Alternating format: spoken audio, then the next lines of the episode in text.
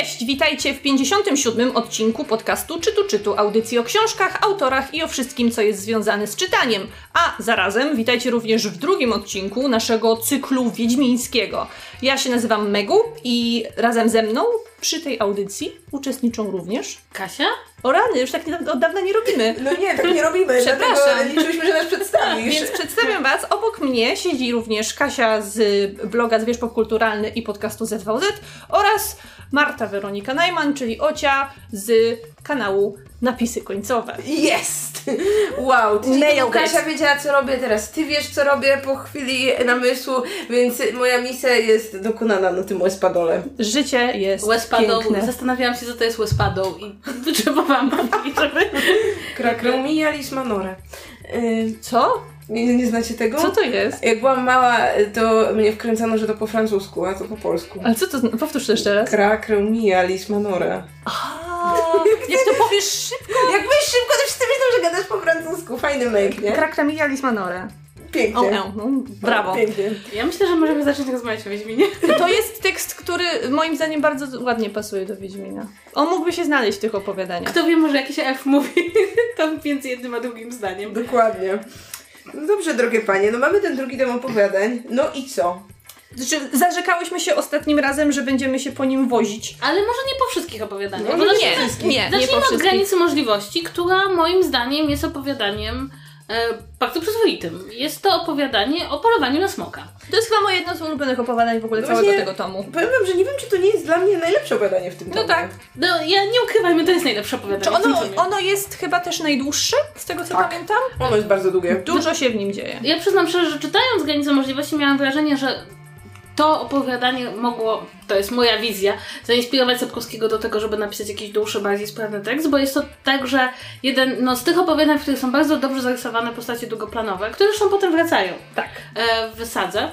Mm, A ta granica możliwości tytułowa, która też się pojawia w tekście Tak. opowiadania, ale nie brzmi tutaj aż tak sztucznie, jak w niektórych Tak, to jeszcze jest ten pierwszy utwór, przy którym myślisz sobie, no fajny zabieg, fajny zabieg, tak, Andrzej. Tak, tak. No więc jest to granica możliwości, to, to jest, tutaj możemy ją rozumieć wieloznacznie, ponieważ z jednej strony e, nie ma złotych smoków, jest jakaś granica na smoków i to są, e, i to są właśnie te złote smoki, które są tylko legendą, są granice możliwości naprawienia tego, co jest między Geraltem a Yennefer i, i tego, co się między nimi wydarzyło, od kiedy ich ostatnim razem widzieliśmy, kiedy ich ostatnim razem widzieliśmy, bardzo się kochali, a teraz e, wiele lat, no nie, lat Nie, no tam upłynęło, ale 3-4 dwa- lata. dwa dwa bodajże. lata upłynęły i oni się zdecydowanie nie dogadują. No i- Żeby, było, żeby była jasność, bo ja tak nie za bardzo łapię chronologię tego całego ich związku. Oni się już któryś raz w tamtym momencie rozstali. Nie. Nie. Czy to było pierwszy To raz? było tak, że oni się poznali w ostatnim życzeniu, później razem byli przez trochę, tam chyba mniej więcej to trwało rok i mieszkali razem potem w Wengerbergu. W pewnym momencie Geralt nawiał, nie mówiąc ni słowa i właśnie po paru latach niewidzenia się oni się spotykają w granicy możliwości. Tak. E, I on w międzyczasie ma romans z Tris Marigold? Czy to czasem nie jest wspomniane? Prawda jest taka, że to nie jest wspomniane, ponieważ ja podejrzewam, że w tym momencie nawet w głowie Sapkowskiego nie miał romansu z Tris Marigold, ale możemy założyć, że romans z Tris Marigold wydarzył się mniej więcej tuż po tym, jak oni... Ale chronologicznie to jest opowiadanie umieszczone przed okruchem lodu, czy po Tak, przed okruchem Przed lodu. okruchem Bo lodu. oni jest na koniec, tak, na koniec granicy możliwości oni znów się schodzą Okej. i A znów są razem i okruch lodu, tak, dokładnie. To jest ten moment, kiedy się rozchodzą i potem dopiero w sadze znów się schodzą. Tak. E, No i w każdym razie, no i jeszcze jest ta trzecia granica możliwości, która jest związana z obsesją Yennefer, że ona nie może mieć dzieci i bardzo by chciała i że jedyną rzeczą, która mogłaby tą granicę jej możliwości pomóc przekroczyć jest, jest oskurowanie smoka ze złotej skóry i zapłacenie komuś bardzo, bardzo dużo pieniędzy za ewentualną operację, która mogłaby się udać. O, ona tam chyba polowała na byle jakiego smoka, a to, że on jest złoty i że on jest taki wyjątkowy, to wtedy na tym etapie jeszcze nikt nie wiedział, kiedy się No pisał tak, na a, wyprawę tak, polowania no na bo smoka. wszyscy zakładali, że Złoty Smok to jest ta legenda i nie Tak, to istnieje. jeszcze tutaj wydaje się, że e, wyjątkowo mocno w tym odcinku, odcinku w, tym, w tym opowiadaniu wraca motyw tego mutantstwa. Tego, bo znaczy, wiemy, I że ekologii i ochrony zwierząt. Tak, ekologia jest cudowna. ekologii jest super. Ja uwielbiam, jak się pojawia wątek ekologii w Wiedźminie. To- Że jakby, powiedzmy sobie szczerze, jak się to czyta w 2019 roku i człowiek czyta ten wątek ekologii, to ma takie Sapkowski, wiedziałeś. wiedziałeś. Czemu nie mówiłeś tego głośniej? Czemu nie napisałeś swojego wielkiego traktatu ekologicznego? Bo i tak nikt by go nie posłuchał. Tak, to prawda, ale ogólnie moim zdaniem opowiadanie jest naprawdę, czyta się je bardzo przyjemnie. Jest, oczywiście ponownie to jest chyba jedno z ostatnich opowiadań, w którym Sapkowski jakkolwiek bawi się, nie, jeszcze potem będzie jedno, ale bawi się nawiązaniami do legend i, i baśni, no bo tutaj mamy e, sz, szewca Dratewkę. Tak, powiem wam, że ja uwielbiam te nawiązania. Jest ten szewc Kozoje. Kozojec, tak. O Jezu, po prostu to jest Ja mam też to... cały czas ochotę inaczej powiedzieć to jego imię. Tak, ja wiem, ta ostatnia litera mogłaby wybrzmieć inaczej, prawda? Ale powiem wam, że te nawiązania uważam, że są, bo one jakby no niekoniecznie coś wnoszą, ale są cudowne, są bardzo urocze i, i właśnie są chyba pewnie jednym z tych elementów, przez które potem ludziom się ubzdurało, że o mój Boże, Wiedźmin taki słowiański, nie? Bo Ale legenda przypominająca Szewczyka Dratewkę jest obecna też w innych kulturach, nie No tylko w pewnie, że naszej. tak, ale wiecie, my mamy smoka pod zamkiem postawionego. Ja zresztą I- bardzo, bardzo lubię ten wątek, bo to, to, to znaczy podoba mi się to, jak ten szef przechodzi od wykończenia jednego smoka do ogólnego pomysłu na rozwiązanie każdego problemu. E, I mamy bazyliszkę na początku. Ja też bardzo lubię ten e, maluteńki e, początek, taką wiecie, tę miniaturkę, kiedy e, lokalna ludność zastanawia się, czy już mogą rozkradać rzeczy Wiedźmina, który tam od jakiegoś czasu nie wyłonił się z jamy bazyliszka, a potem wraca Geralt i ustawia ich do pionu. Zresztą to jest bardzo ciekawe, bo Geralt wróci do polowań na bazyliszki w piątym tomie sagi, więc... Okej, Jaki jeszcze mnie tam nie ma i Mnie też tam jeszcze nie ma. Mnie w tym opowiadaniu bardzo się podoba e, nie, nie tyle sam początek z bazyliszkiem, ale później ta cała scena w karczmie, kiedy jest pokazane zawiązanie takiej bardzo sympatycznej męskiej przyjaźni, męskiego kumpelstwa pomiędzy Geraltem a Borchem Trzykawki. Bo to było takie, takie ludzkie, takie wręcz, e, wiesz, faceci na studiach idą na piwo, poznają dziewczyny. Idą, raz, idą razem do jacuzzi. Tak, idą razem do jacuzzi. To jest, to jest coś, co każdy facet w swoim życiu powinien przeżyć, Jak tak? ja czytam tą scenę, zawsze jestem tak strasznie głodna. Bo oni tam zamawiają kolejne je- jedzenie. I, to, i to, to tak Sapkowski opisuje, że mam takie... Zjadłabym jakieś raki po prostu. Natomiast to wydaje mi się też jest jedną z tych opowiadań, które trochę tworzy postać Yennefer. Tak. No bo jej tak naprawdę w ostatnim życzeniu prawie nie ma. Jak ustaliliśmy, jest paskudna.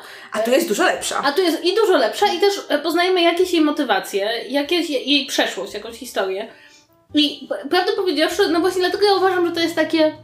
Niektórzy opowiadają, że mieć, uważam, że mieć przeznaczenia, czy kwestia ceny, to są te opowiadania założycielskie dla sagi, ale mam wrażenie, że tu się dopiero zaczynają pojawiać takie cechy bohaterów, które, e, które potem będą wybrzmiewać jeszcze później.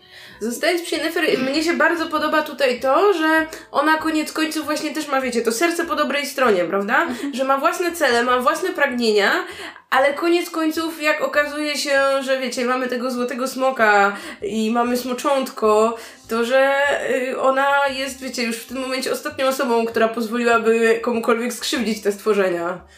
No i mamy krasnoludy, słuchajcie. Chyba pierwszy raz w ogóle.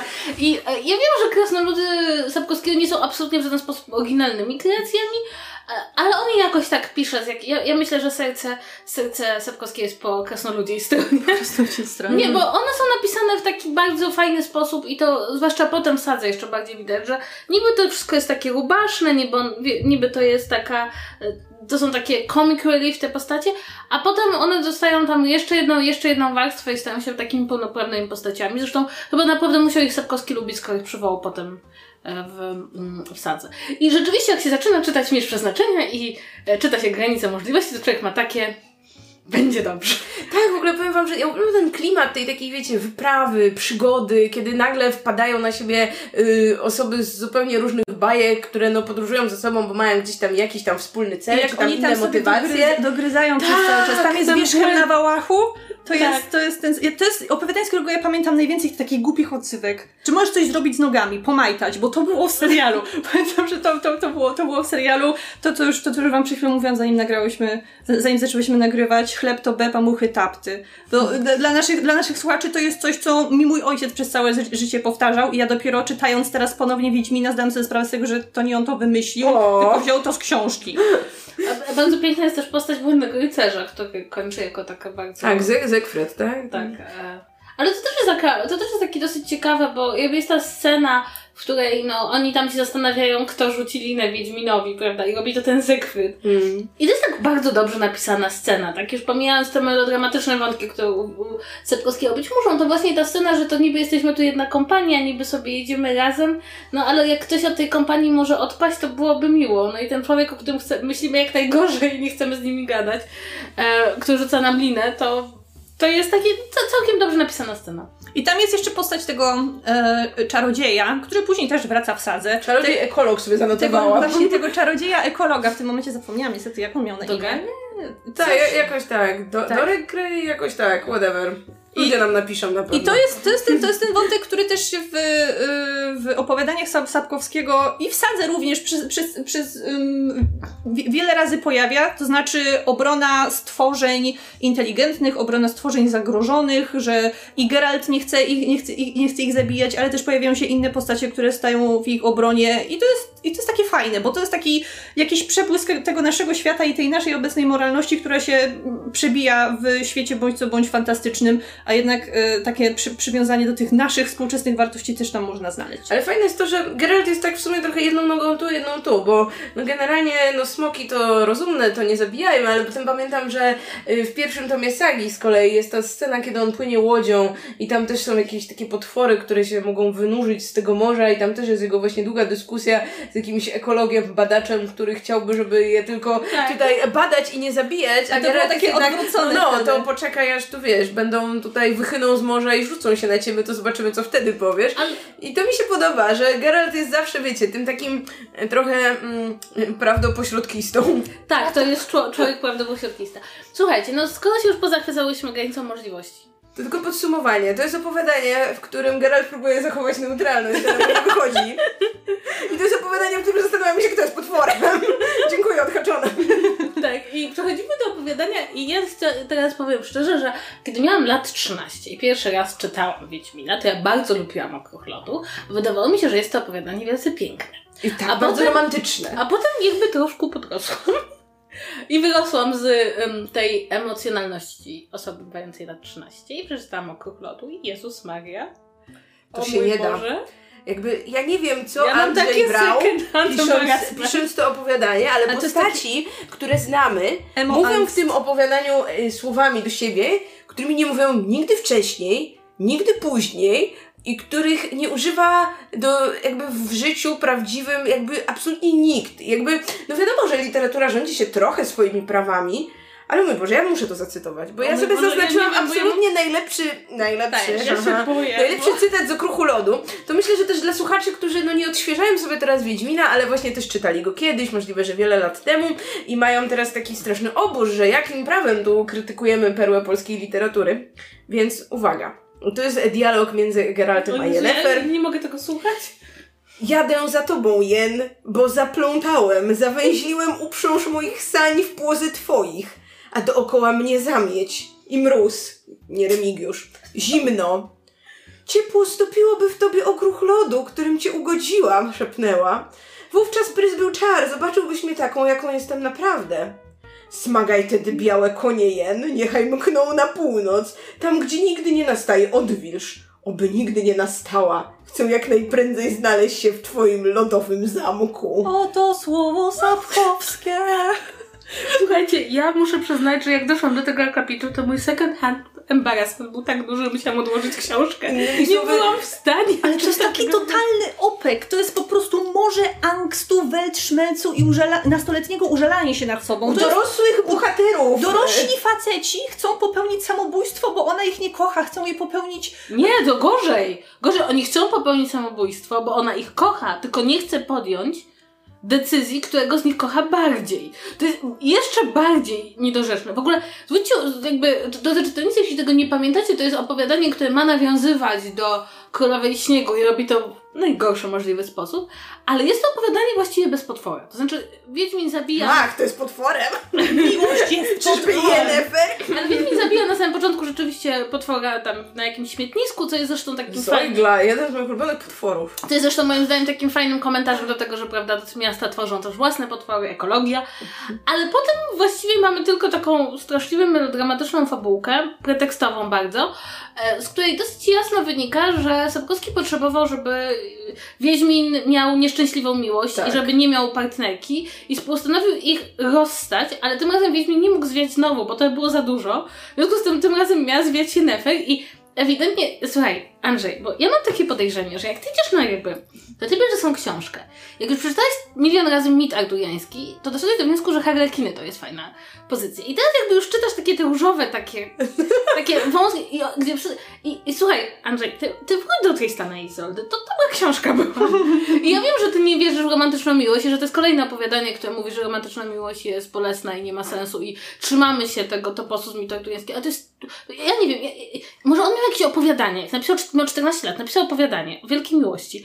I na przykład tam były inne imiona i nazwiska i on to potem wyciągnął pozmieniał i opublikował jako opowiadanie o Wiedźminie. To jest moja, to jest, to, to jest... Do niego te słowa jakieś 30 lat Zwłaszcza, że wiecie, właśnie to moim zdaniem to jest wszystko tak niespójne z postacią Geralta, to, to, który tak. zawsze jest mimo wszystko bardziej tym człowiekiem, wiecie, takim trochę jednak opcją tumiwisizmu, yy, który, kurde, w życiu nie poszedłby do jakiegoś konkurenta yy, do serca swojej wybranki i nie gadałby z nim, jak to obaj powinni się pozabijać. Jakby, jasne, cierpiałby w milczeniu, może by odszedł, ale, ale po prostu te wszystkie akcje, które odchodzą tam między Geraltem i Stredem, wydaje mi się, że Geralt jest fatalistą. To znaczy, gdyby, gdyby spotkał się sytua z sytuacją, w której okazałoby się, że no, Yennefer ma jeszcze innego faceta, to poszedłby do tego, jakby wszystko wcześniej podpowiada.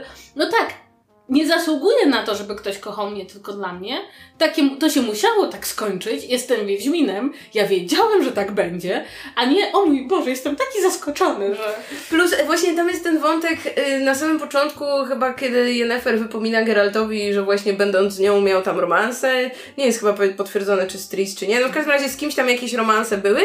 Po czym się okazuje, że no ona będąc z nim cały czas miała tutaj drugiego gościa na boku i spoko, nie? I jakby to też e, jakby cała ta sympatia, którą e, powiedzmy odzyskaliśmy do Yennefer po e, granicy możliwości, to w tym opowiadaniu upada totalnie, bo ona wychodzi na taką osobę, która no po pierwsze też nie wie czego chce, po drugie no najlepiej to jakby miała dwóch jednocześnie, żadnemu się nie deklarując, a jednocześnie sama ma pretensje do Geralta o to, że jest no mniej więcej taki jak ona, no czyli też nie chce się zadeklarować, też nie chce jej wyznać tych uczuć i tak dalej. Ale w ogóle mam wrażenie, że żeby taki wątek zadziałał, to znaczy, prawda, jedna kobieta, która kocha dwóch mężczyzn, mężczyzn, żaden z nich nie jest lepszy od drugiego. To jest w tej scenie Izoldzie w sumie. Kulmarek też nie jest lepszy, od, gorszy od... Um, w ale... wersji filmowej jest najlepszy, prawda? Tak, Pamiętasz tę, w którą, której grał Rufus, tak, grał Króla Marka i po prostu wszyscy mówią, no tak, to musiał być magiczny, na, magiczny napój, prawda? Bo inaczej to Izolda w nie patrzyłaby na tego Tristana. Tak, wymoczka. No, ale w każdym razie wracając do... To jednak, żeby to zadziałało, musimy bardzo dobrze znać wszystkich aktorów takiego trójkąta. Mhm. I musimy rozumieć, że każdy z nich coś wnosi, czego nie wnosi kto inny. No i problem polega na tym, że my w ogóle nie znamy tego trzeciego. Że Istred nic nie wnosi. Istred nic nie wnosi. Jest jakimś facetem, który nie ma przeszłości, nie ma przeszłości. I nie da się takiego jakby da się rozwiązać taką sytuację, da się ją opisać ciekawie, tylko że trzeba sobie dać na to książkę, a nie jedno opowiadanie. O mój tak? Boże, ale niech on nie pisze książki na ten temat, nie poddawaj mu pomysłu. Tak, może, może, może prequel o Istredzie to nie jest najlepszy pomysł. tak, niemniej, niemniej jeśli, ja, ja przyznam szczerze, że ja cały czas uważam, że po prostu e, prawda jest taka, że Sapkowski ma serce wypełnione melodramatem. Lodem. I lodem. I, lodu. I, i, I tak. I to, jest, I to jest takie opowiadanie, przy którym ja przyznam szczerze, mimo że wielokrotnie czytałam opowiadania, zwątpiłam że zwątpiłam moją pamięć, bo ja pamiętałam, znaczy miałam miłe wspomnienia z lektury Wiedźmina, więc ja bym proponowała e, najpierw podsumowanie, Czym jest prawda? Prawda jest okruchem lodu. Jest to opowiadanie, w którym y, Geralt próbuje zachować neutralność, ale potem się wkurza, a potem chce się zabić. A... Próbuje zachować? Nie, no żartuję. Nie, nie, dobra. Ale wiemy, że inne Ale może, może jakby próbował, to to opowiadanie byłoby lepsze, nie? No, a jeśli zastanawiam się, kto w tym opowiadaniu jest potworem, to wszyscy zachowują się jak dzieci. I tak. nie ma odpowiedzi na to pytanie, więc super, że nie wpisuje się w schemat, a równocześnie jest najgorszym opowiadaniem. tak, i kolejne opowiadanie to Wieczny Ogień. I e, Wieczny Ogień jest absolutnie przecudownym opowiadaniem, z którego wychodzi prawdziwa natura Sapkowskiego, czyli ekonomisty. Jezu, ale jak mi się to podobało.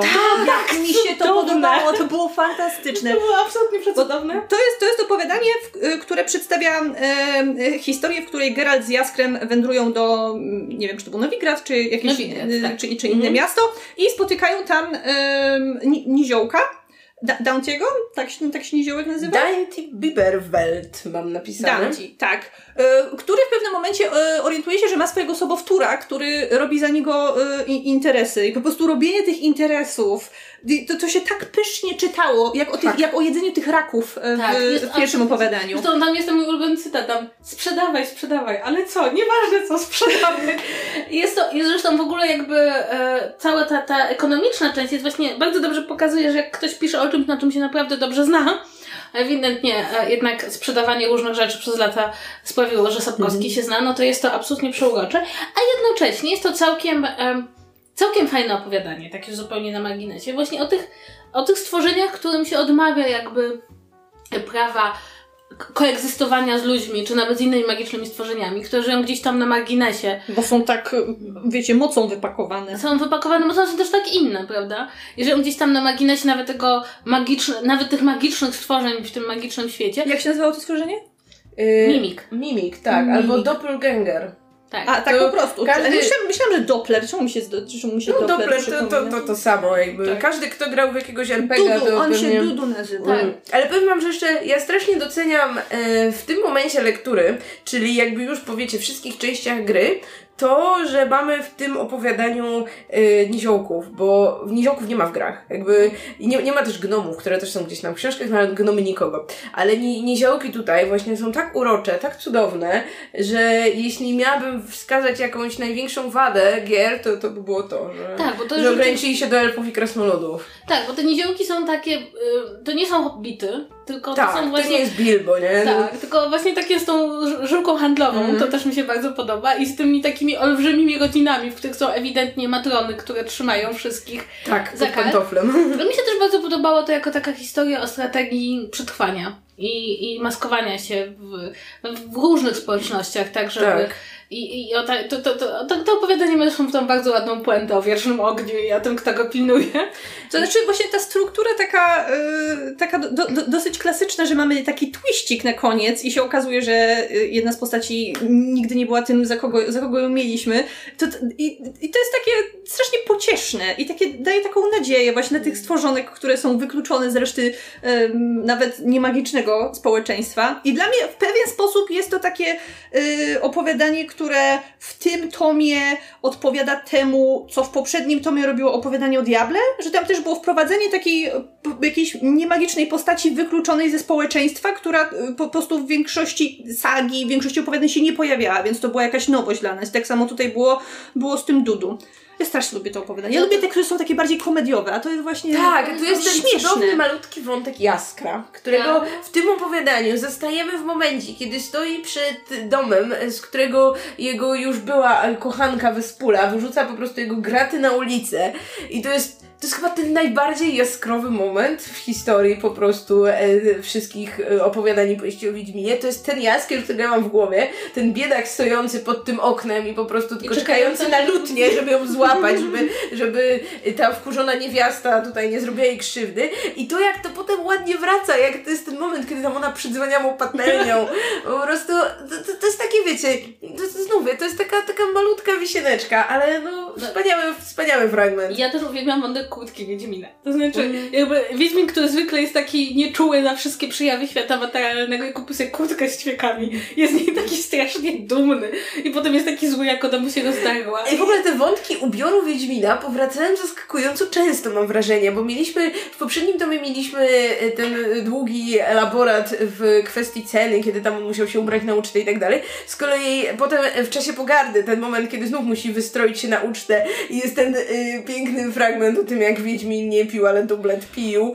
E, tak. Więc ja, ja tutaj dostrzegam taką, wiecie, pewną regularność w tym, jak autor donosi właśnie, co miał na sobie Geralt, co lubił mieć, czego, czy, czego nie lubił, w czym mu było niewygodnie. I to też jest super. To też jest właśnie taka mała rzecz, która jednak fajnie buduje postać, że, że wiecie, jest ten Geralt, ten, no, który generalnie musi mieć jednak tą wygodę ponad styl i, ale ta skórzana kurtka, to już jak, jak się zapalił, to, to ważne, nie? Tak, nie, rzeczywiście jest to takie opowiadanie, które e, po strasznym alkoholotu przewraca. Wiary i też pokazujesz bardzo dobrze, że um, Sapkowskiemu wychodzi pisanie nie do końca na poważnie. Znaczy tak właśnie trochę z dystansem i z ironią wobec swoich bohaterów.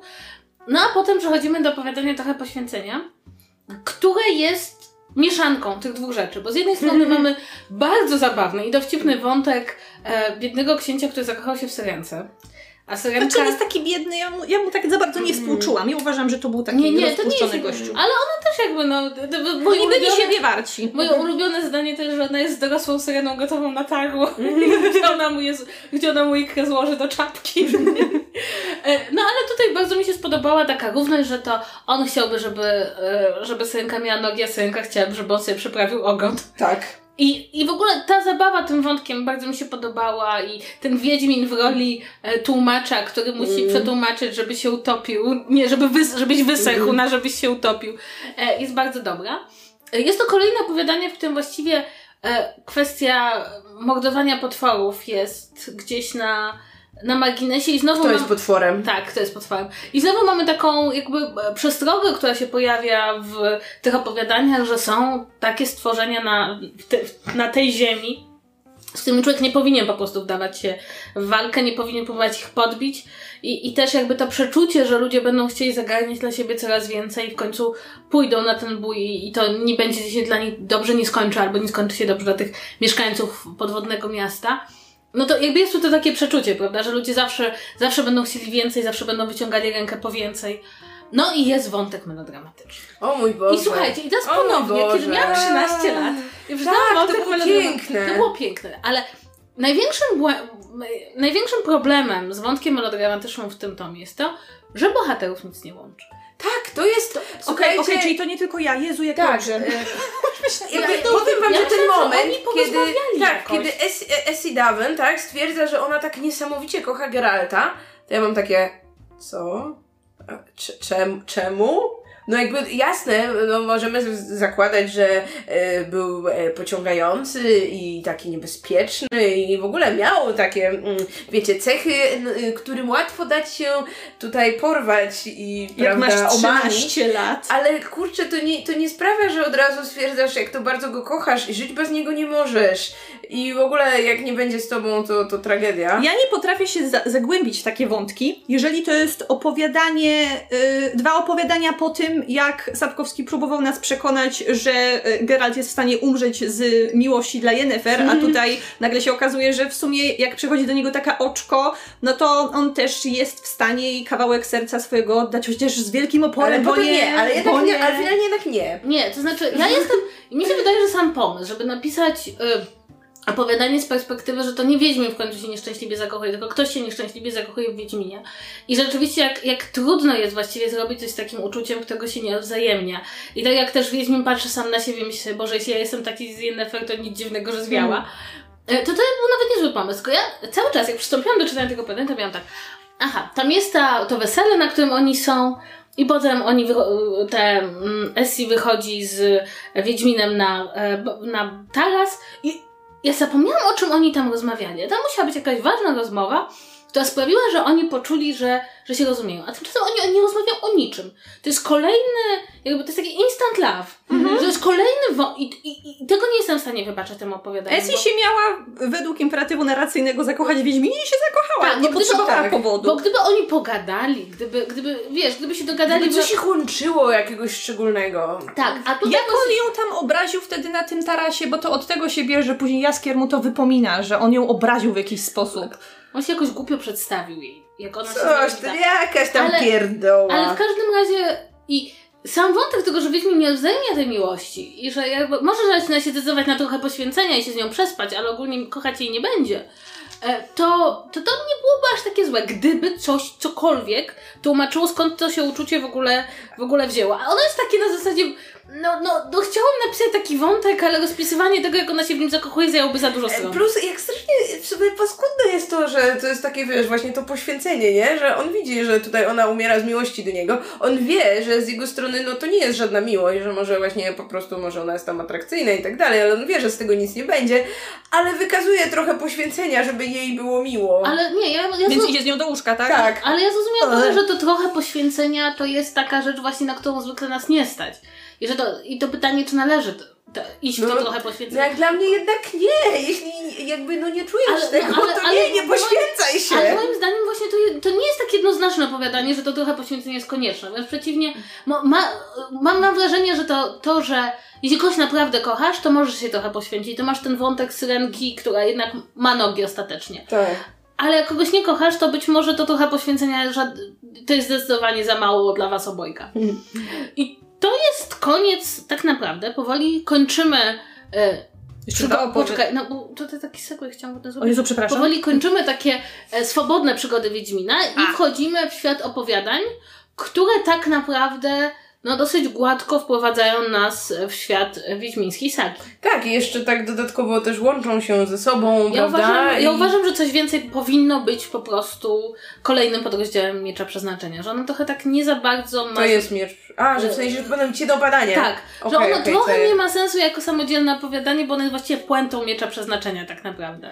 Trochę tak, aczkolwiek mm, powiem wam, że ja coś więcej lubię jednak zdecydowanie y, bardziej niż, niż Miecz Przeznaczenia. Miecz Przeznaczenia to jest dla mnie z kolei to opowiadanie, które trochę mi się kojarzy z tym opowiadaniem właśnie o Diable z poprzedniego tomu, bo to jest to opowiadanie, które krzyczy coś się zmienia. Ludzie tutaj, wiecie, źli, istoty inne też złe, ale, ale wiecie, w bardziej trudnym położeniu, bo to ludzie tutaj ich wpędzili w, właśnie w tę sytuację, w której się znaleźli, więc oni teraz się mszczą, ale ludzie ich skrzywdzili i w ogóle to teraz świat należy do ludzi i tak dalej, i tak dalej. Mamy te, te driady tutaj zamiast elfów, które są zepchnięte do tego swojego rezerwatu i, e, i tak naprawdę no, są w takim impasie, prawda, że ani, ani one jakby no więcej już na tej sytuacji nie zyskają, nie zyskają kolejnych ziem, no, no mogą tam żyć tylko dlatego, że po prostu nikogo do siebie nie dopuszczają, ale też nie zgadzałem się na jakąkolwiek symbiozę, na jakąkolwiek e, próbę tutaj, wiecie, pertraktacji czy pojednania z jakimiś lokalnymi władcami, no co oczywiście z jednej strony jest zrozumiałe, no bo boją się jakkolwiek ustąpić, że, że po prostu to się skończy dla nich wymarciem, wybiciem albo niewolą. No z drugiej strony mamy tych ludzi, którzy, no jak wiemy, kiedyś robili paskudne rzeczy, teraz z kolei, no nawet jakby chcieli, to w sumie nie mają szans, żeby jakkolwiek to naprawić, no bo po prostu już nikt nie chce z nimi rozmawiać. I to wydaje mi się, jakby wolę to opowiadanie od tego o tych, wiecie, torturujących elfach, ale jednocześnie no mam wrażenie, że trochę nie ma w nim niczego nowego, jakby w tym wątku, że jakby to jest trochę powiedziane jeszcze raz to samo, no tylko na trochę innym przykładzie. Znaczy ja mam wrażenie, że, że mi się akurat, ja to, ten wątek lubię, ten Las Brooklyn, który właśnie e, jest tak trochę z jednej strony więzieniem, a z drugiej strony tym ostatni, ostatnią przestrzenią. I ja, znaczy, może tak, ja ogólnie rzecz biorąc lubię to u Sapkowskiego, że on pokazuje nam świat faktów dokonanych, tego, gdzie ludzie już zepchnęli, zabrali i, i, jesteśmy przed tym ostatnim wyciągnięciem ręki, tak? Że jeszcze są te diady, jeszcze są te elfy, ale właściwie już nie mają szans. I, I to jakby, ja uważam w ogóle, że ten las i te diady są świetnie napisane. Znaczy, rzeczywiście, tu ponownie bawimy się troszeczkę e, wątkiem e, czerwonego kapturka, tylko że tutaj wilk okazuje się być sojusznikiem, a babcia... Kto jest potworem? Babcia. e, natomiast to wchodzenie w ten las, które trwa i trwa z tymi diadami, które zapomniały kim są i prawdopodobnie są porwanymi dziewczynami z, oko, z okolicznych wiosek, czyli że te diady też nie są do końca uczciwe i też robią wszystko, żeby przetrwać. E, I ten las, do którego właściwie można wejść, ale bardzo jest małe prawdopodobieństwo, że się z niego wyjdzie. Wydaje mi się, że to jest po prostu bardzo dobrze napisana przestrzeń i dosyć dobrze napisana społeczność. E, I trochę żałuję, że my do niej potem wracamy. W sadze, bo to ją tak odczarowuje, tak? No to się robi las jak każdy inny. Natomiast w tym miejscu to się robi taki ostatni las, taka, nie wiem, taka białowieża, nie? Znaczy, ja ogólnie przyznam szczerze, że jak ja sobie wyobrażam Kilon, to sobie wyobrażam białowieżę. A, słowiański wiedźmin. No, ale nie, no, jakby przy, przywołuję moje wakacje e, w, w, na, na skraju Białowieży i to sobie przypominam i właśnie widzę, i te, te, teraz jak czytam to w 2019 roku, gdzie co robimy, zaczynamy wycinać Białowieżę, to mam takie, Driady miały może trochę rację, że prawda, że, że strzelały z pomiędzy, z Tak. pomiędzy drzew. Natomiast e, tutaj pojawia nam się po raz pierwszy Ciri jako bohaterka. I wątek przeznaczenia, które jest mielone i które będzie mielone i które też czasem jest takie trochę mocno nastoletnie, nie? Że jest ten Geralt, który nie, nie będziecie mi mówić jak mam żyć, nie wierzę w przeznaczenie, nie wierzę, Jesteście nie moją wierzę we prawdziwą wróżby. Tak. No, bardzo wielu kobietom mówi, że nie jest jego matką.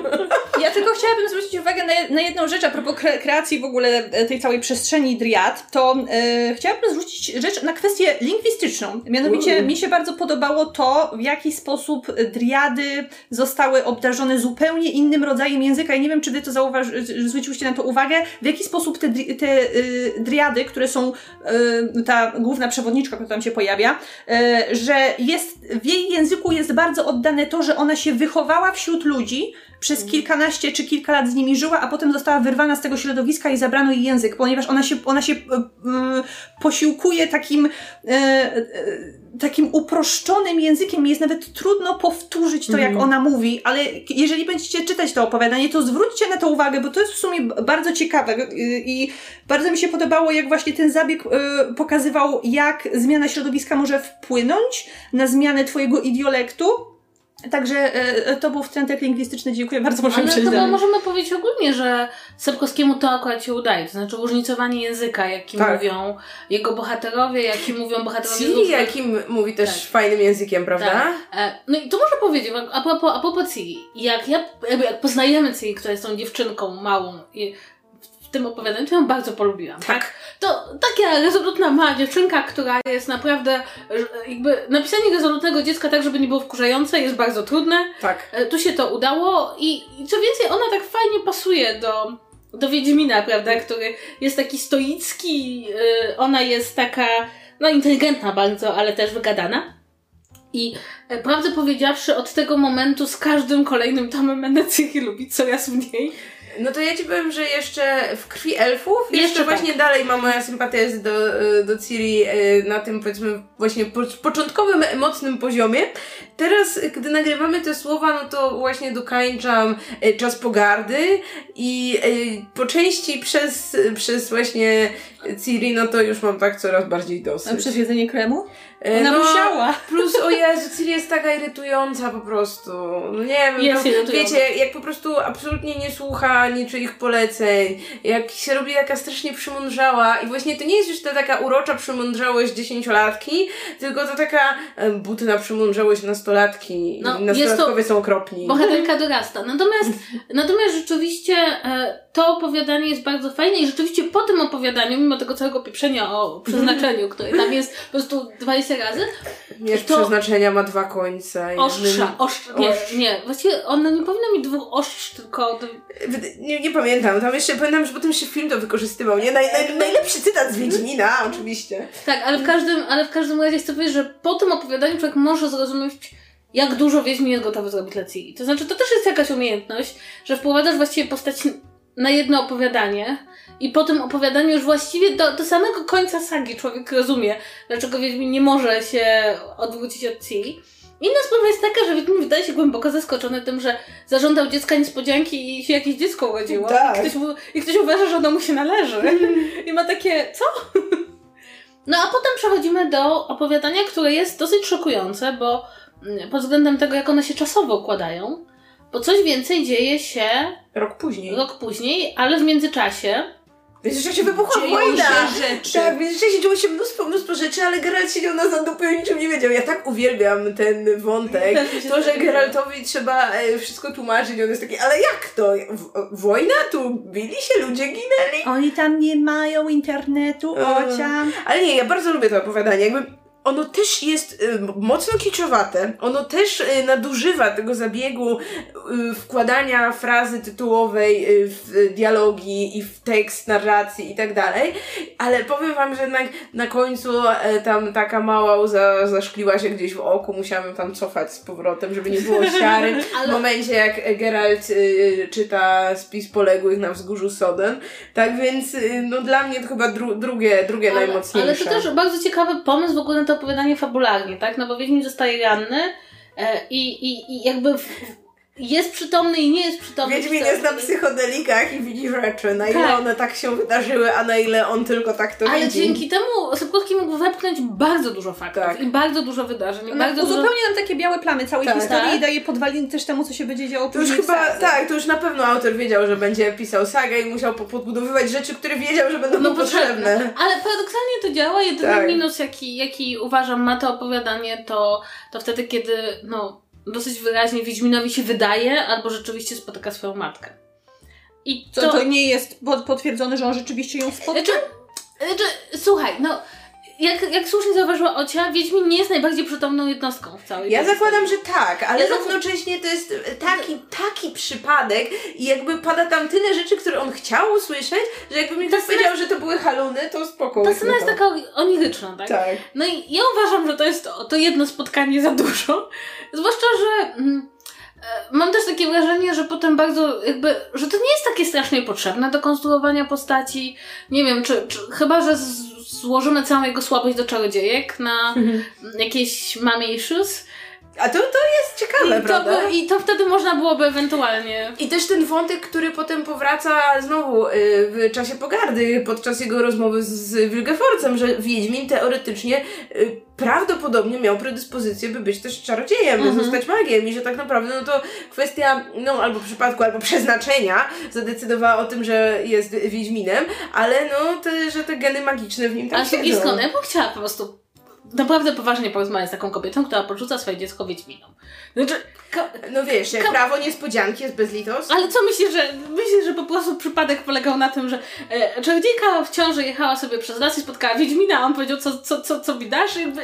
Może wiesz, jeszcze nie wiedziała, że jest w ciąży, bo myślała, nie, że nie może być w ciąży. Nie wiem, ja mam takie jakieś wrażenie, że... Właśnie że... wytłumaczcie mi tę rzecz, bo to nie jest dla mnie jasne. Mamy powiedziane, że Yennefer nie może mieć dzieci dlatego właśnie, że przeszła tą przemianę w czarodziejkę, ale dlaczego niektóre inne czarodziejki mogą Bo mieć to dzieci? Nie, nie wszystkie kobiety przechodzą to tak samo. Tak, dokładnie. Tam jest jasno powiedziane, że jakby, że u niektórych to powoduje, że absolutnie nie mogą tak. mieć ale nie u wszystkich. I u niektórych da się to odwrócić, no nie? Tam tak. było, że właśnie są te jakieś tam zabiegi i tak dalej i że po prostu u Yennefer to już, tam chyba Neneke to mówiła w poprzednim tomie, że u niej to już jest takie stadium, no że nie da rady i że ona tylko się łudzi tutaj, próbując wydać kolejne pieniądze. No i tam była sugestia, że były przypadki właśnie takie, powiedzmy, lżejsze, gdzie jakieś faktycznie zabiegi, operacje mhm. i tak dalej pomogły, znaczy, nie? wynika z tego, że te wszystkie mutacje, które przechodzą. To, to, to, Trochę jak z Wiedźminami, jak prawda? Jak z Wiedźminami, prawda? To też tam. Tylko Geralt ma, nie wiem, białe włosy, bo u niego tak. tak ale on też nie może mieć dzieci. No tak, no. że Wiedźminów też raczej wszyscy nie mogą, ale może wiesz, może był jakiś, który mógł. Jakiś juchny Wiedźmin, no. Tak, jakiś wyjątkowo odporny Wiedźmin. I słuchajcie, i prawdę powiedziawszy, e, ja uważam, że ten, to opowiadanie jest słabsze niż ostatnie tak. życzenie. Natomiast e, wydaje mi się, że on jest też słabszy, dlatego że gdzieś, gdzieś w połowie mam wrażenie, że już Sapkowski bardzo dobrze wie, że będzie pisał sagę. Tak. I, I trochę przyspiesza na zasadzie znaczy, nie skupia się na tym za bardzo, żeby tworzyć indywidualne opowiadania, które będą same w sobie zamkniętą całością, taką, która potrafi w 100% satysfakcjonować, tylko to już jest właśnie to bardzo mocne nawiązywanie do tego, co później ma się dziać w sadze i budowanie tego naszego zainteresowania, żebyśmy po tą sagę później sięgnęli. I to, i to widać. Chociaż rzeczywiście ten tom opowiadań jest gorszy, ale wciąż, wciąż ma to swoje się... momenty. Tak, to znaczy na pewno, e, tak podsumowując opowiadania, to można od razu powiedzieć, że tak, że Sapkowski ma jednak dryg do brania tych pewnych elementów z dobrze znanych historii i wpisywania ich w drugi czy pierwszy plan swoich opowiadań. Na pewno może, z całą pewnością to są bardzo dobre językowe rzeczy. Że to, to, poza, że, poza okruchem lodu. Poza okruchem lodu i żenującymi fragmentami melodramatycznymi, no to właśnie to, co zwróciłaś uwagę na to, że postacie posługują się różnym językiem i tam są ładne zdania i w ogóle to jest napisane po polsku, a nie w jakimś języku, języku mocno zbliżonym do. I też e, przyznam szczerze, że e, Wiem, że są ludzie, którzy nigdy nie przeczytali sagi, tylko skończyli na opowiadaniach i nie wiem, czy, czy dużo stracili, ale to może... Mm. Myślę, że czas na podsumowania tego przyjdzie nam dopiero jak będziemy miały omówioną całą sagę i będziemy tak. mogły to jakoś rzetelnie porównać.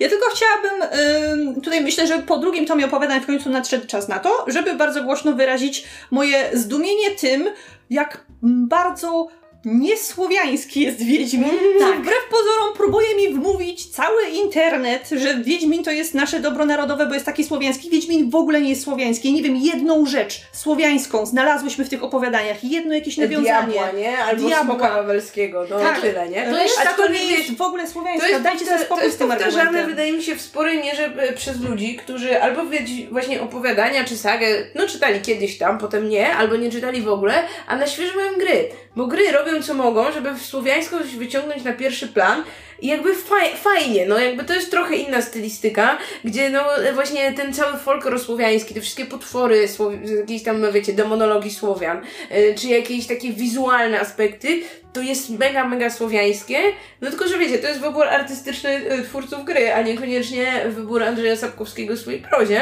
I jakby spoko, że te media się różnią, jakby to jest moim zdaniem y, bardzo fajny wręcz zabieg, że właśnie one wnoszą coś swojego, ale no właśnie słuchanie potem ludzi w internecie, dla których to jest, wiesz, argument na słowiańskość Wiedźmina, to jest kurna bzdura totalna. I po prostu chodzi mi o skalę, bo po prostu na tym etapie odporność tych ludzi na jakiekolwiek argumenty, jakąkolwiek rozmowę jest po prostu już tak ogromna i to, że oni będą bronić tego faktu jak niepodległości, że Wiedźmin jest słowiański, więc później serial też ma być, kurczę, rozsłowiańszczony na całego, chociaż to nie jest prawda. To, to, jest, to jest niesamowite, jak ta miejska legenda, tak na dobrą mm. sprawę, urosła do tak ogromnych rozmiarów, że ludzie będą tego bronić jak niepodległości. Ale wiesz, to jest tak samo jak ten drugi aspekt, czyli ten aspekt taki bardziej narodowy w sensie nie narodowy polska słowiańskość, tylko taki bardziej narodowo-konserwatywny, kiedy no przypisuje się Sapkowskiemu tu bycie jakimś, wiesz, prawdziwym Polakiem, obrońcą polskich wartości, podczas gdy no w jego opowiadaniach no mamy takie bardziej, powiedziałabym, liberalne mhm. poglądy, gdzie mamy biseksualną bohaterkę prawdopodobnie, nie napisane wprost, gdzie mamy bohaterów takich hołdujących raczej swobodzie obyczajów i y, będących za równością, za wolnością, gdzie mamy... Za ekologią. Wiesz, tak, a potem oni, wiesz, ci wszystkie grupy, y, którym pewnie, nie wiem, Sapkowski ręki by nie podał czy coś, y, no to oni wszyscy go sobie wybrali jako swój awatar i to, to jest dla mnie chyba jeszcze dziwniejsze niż y, to doszukiwanie się tej słowiańskości. Znaczy, trzeba od razu zaznaczyć, że też e, po pierwsze sam Sapkowski odcinał się od słowiańskości tak, tak. mocno na, napisane jest jest jego tekst Piruk czy nie ma złota w szarych górach, gdzie on pisze dosłownie, że nie może być słowiańskiej fantazy, bo słowiańska fantazy nie ma toposu, topos ma e, ta fantazy wy, wychodząca z mitu artujańskiego, ta zachodnia i możemy najwyżej dodać jakąś nazwę tu, jakąś postać tam, ale tak naprawdę ten topos, ten złom fantazy jest, wychodzi z zachodu, wychodzi z Wysp Brytyjskich, wychodzi z mitologii germańskich czy skandynawskich, my tego nie mamy. I tak naprawdę on to realizuje w Wiedźminie. Rzuci sobie tu nazwą, tam nazwą, trochę się tym pobawi, poflirtuje trochę tak z czytelnikiem, który zrozumie jego mgnięcie okiem, ale rozgrywa to wszystko w ramach toposu zachodniego. Tam to, to nie jest w żaden sposób słowiańskie pod żadnym względem. To więcej, e, zwróćmy uwagę, że on nawiązuje do bardzo licznych baśni czy legend, ale na przykład no, nie nawiązuje do legend czy baśni rosyjskich, czy do charakterystycznych elementów na przykład tych baśni, takich, które są... Tych demonów, nie? Tak. Których też jest Tego w ogóle, w ogóle tutaj nie ma. Na przykład no, no, chociażby nie ma Baba Jagi. Chociażby gdybyśmy mieli mhm. podać jakikolwiek przykład postaci, która jest trochę fantastyczna. Kościeja, nie wiem, tych wszystkich takich tak. stworów, tak. które się kojarzą właśnie z, z tamtymi legendami. Tak, więc tego wszystkiego nie ma. Natomiast jedną rzeczą, która moim zdaniem, która wszyscy tak jakby udają, że tego nie ma, no to on tutaj, Sapkowski, kreśląc ten świat, który jest taki zaborczy, w którym są te różne napięcia między państwami, no on się odwołuje do pewnego ogólnoeuropejskiego tak naprawdę mm, doświadczenia, które gdzieś tam, wiecie, jakieś echa II wojny tam pobrzmiewają. I one może rzeczywiście pobrzmiewają trochę inaczej, niż pobrzmiewały w prozie anglosaskiej, e, ale to nie słowiańskie, tylko ewentualnie polskie. A to nie jest to nie jest do końca to samo, tak? Na przykład jego pewna taka e, pokazywanie mniejszości, prawda? Pokazywanie mniejszości w ramach jakiegoś społeczeństwa. To ponownie możemy powiedzieć, okej, okay, w pewien sposób, moim zdaniem, w bardzo licznych momentach sagi zwłaszcza, on sięga do doświadczenia polskiego, ale nie słowiańskiego. I moim zdaniem to jest bardzo, bardzo duży problem, dlatego że ludziom się ubzdurało, że polskie znaczy słowiańskie. Mhm. A tymczasem polskie nigdy nie było czysto słowiańskie, a zwłaszcza jeśli, tak jak Sapkowski, Sapkowski nie sięga do e, Piasta Kołodzieja ani do Mieszka. Jego świat fantastyczny tak naprawdę oddaje problemy współczesne. To jest powieść postmodernistyczna, to jest e, fantastyczna, e, fantastyczna jakby dekoracja, ale kwestia ekologii, kwestia równości, kwestia prześladowań mniejszości. Przecież on, on się tak autentycznie odnosi do wydarzeń i intuicji człowieka XX czy XXI wieku, że jakby go Mieszko i chyba go nie interesują. On, więc jakby to jest dla mnie, to jest dla mnie taki argument też jakby w samej, jakby wychodzący poza słowiańskość czy niesłowiańskość, tylko jakby tam gdzieś w głowach tych ludzi się polskie znaczy słowiańskie. I ja uważam, że Sapkowski jest bardzo polską książką. Ale niekoniecznie. Tak, Sapkowski, jakby Sagowit mi jest bardzo polska, ale niekoniecznie słowiańska. I, i, I to jest moje rozróżnienie osoby, która się bardzo utożsamia z Polską i kompletnie nie utożsamia z słowiańszczyzną. Myślę, że to jest y, dobry moment, żeby zakończyć nasze rozważania tym Tak. właśnie takim apelem o ukrócenie tego szarżującego turbosłowianizmu w polskim internecie. W ogóle, nie tylko w ogóle, w tak, nie tylko dokładnie. Porzućcie dokładnie, to tak. Tak, przestańcie dręczyć Lauren Historiś o to, żeby wsadzała do serialu polski słowianizm. Ona nie ma z tym nic wspólnego i nie musi tego robić. O mój Boże, czy wy też widziałyście milion postów, że no, jeśli przynajmniej raz ktoś w serialu nie powie zaraza, to nie oglądam? Bo ja widziałam. Zaraza. Razu nie mówi Jak to- zaraza w książce. Niektóre postacie mówią, nie? Tam Właśnie wi, wi, w grach ciągle mówię, więc to... No wiem, o to mi No, chodzi. No więc- właśnie, ho, mówi, mówi w grach, ale ja nie pamiętam nawet, żeby dotychczas w tych opowiadaniach Wiedźmin przeklinał. Wiedźmin może nie, ale tam jakieś inne postacie Inne- na pewno mówią te zarazy, tak. nie? Bo... Tak, więc, więc, więc zobaczymy, jaki będzie serial, ale na razie zapraszamy Was na kolejny odcinek naszego podcastu, gdzie już wejdziemy w sagę. Tak jest. Już za tydzień y, słyszymy się w odcinku poświęconemu e, krwi elfów. Zobaczymy jak wtedy. Poleje się jakie- krew. Czy poleje się tak? krew. I czyja? Autora, Ocia, czy, możesz, nasza? czy możesz podsumować dwa tomy opowiadań? Um, więc e, jeśli miałabym wskazać jakiś motyw przewodni w dwóch tomach opowiadań, to wahałabym się bardzo długo, ale myślę, że koniec końców e, zdecydowałabym się na dwa motywy przewodnie. Pierwszy o tym, jak to Wiedźmin Geralt, e, nasz prawdopośrodkista, próbuje pozostać neutralny, ale najczęściej mu to nie wychodzi, najczęściej jednak opowiada się po jakiejś stronie, usiłując wybrać mniejsze zło, ale zawsze okazuje się, że było tam coś więcej, więc... Powi- Powinnyśmy było jej dać taki challenge, żeby ona to podsumowała używając wszystkich tytułów opowiadań. E, więc mamy, mamy też oczywiście drugi motyw, czyli to pytanie, kto tak naprawdę jest potworem. I z reguły nie jest to faktyczny potwór, prawda? Bo No shit, Sherlock. I No. zobaczymy, czy tak samo je wsadzę. tak, bo miecz przeznaczenia ma dwa ostrza albo Tak. końce. No kij ma dwa końce, miecz powinien mieć dwa ostrza, nie? Tak, i to są granice naszych możliwości, jeśli chodzi o ten podcast. Ale zostańcie z nami, bo będzie coś więcej w następnych odcinkach. Wykażemy się odrobiną, wykażemy trochę poświęcenia, żeby... I powiemy prawdę, która może boleć, bo prawda jest Czy my nie okropna. zakończyliśmy też tak poprzedniego odcinka? Nie Cicho, już. nieważne.